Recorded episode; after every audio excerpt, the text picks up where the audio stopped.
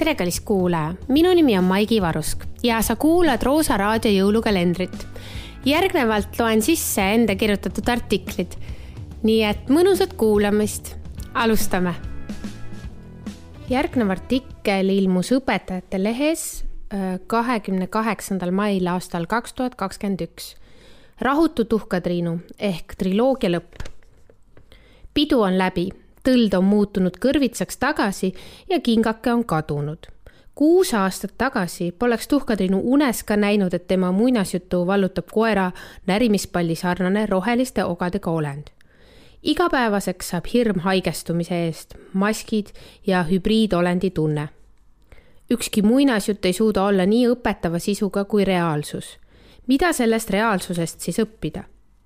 Kui eelnevalt veidi naiivne ja kõrvaltvaatajale kohati liiga energiline tuhkatriinu suutis veel kevaditi ametit nautida, siis selles mustas masenduses, mis praegu maad laastab, ei suuda ta vahepeal isegi nägu teha, et kõik on hästi.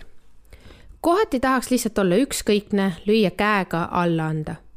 pikas koridoris põgeneb ta inimeste eest, sest seda kõike on liiga palju ja juba liiga kaua terve haridussüsteem on kohati vinguhaisu täis.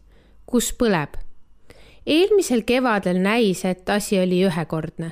sügisel korraldati hulgaliselt seminare, konverentse, kirjutati artikleid distantsõppe teemal. enamiku ühine joon oli tagasivaatav. kumas läbi, et jah, saime hakkama, kuid õnneks on see nüüd läbi uksest, aknast tuli listidesse kirju, mis jälle kutsusid kuhugi seminarile, et arutada distantsõppe meetodeid. haridustöötajaid, kes said selgeks tuhandeid platvorme, kus teha tilulilu enne ja pärast tundi. et tund oleks ikka mitmekesine ja teeks silmad ette nii mõnelegi Tiktoki videole tuhkatriinu digimigi pädevustest hoolimata selgus aga, et paljudele õpilastele parimaks hetkeks päevas sai kehaline kasvatus, sest siis ei pidanud klassikalises mõttes õppima ja pääses arvutiahelaist. mis saab aga siis, kui ei ole luksust saata õpilasi puid vaatama ja kevadvärve otsima? Mis siis, kui peab õpetama keerulisi teemasid, mis nõuavad pingutust ja kus on näha, et kogu see krempel ei aita ning on tarvis teha eelmisest sajandist tuntud frontaaltundi, mis kohati tänapäeval taunitav oleks. mis siis saab? õpetaja pole digipädev ega sobi enam haridussüsteemi. kas siis võib ameti maha panna, sest uus reaalsus on nüüd selline tuhkatriinu eeskuju Lauri Leesi ütleb, et distantsõppe ajal õpitust omandati heal juhul alla poole. lüngad hariduses olevat üüratud ja sinna juurde käiv must masendus tähendab vast seda, et pisatorni tipust ei leia meid enam. ja kas polegi korraks mitte hea, et me tipus ei ole? aga nagu iga sõda, venib ka see sõda pikemaks, kui tahaksime.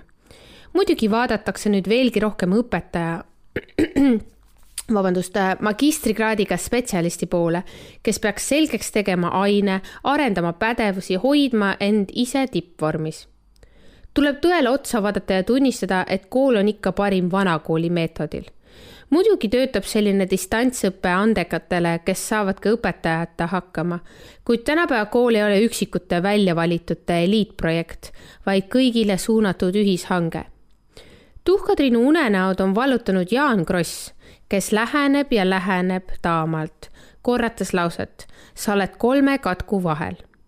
ja tuhkatrinu ärkab enne kella ja läheb rõõmsalt tööle, sest printida on veel vaja. kas kolm on kohtuseadus?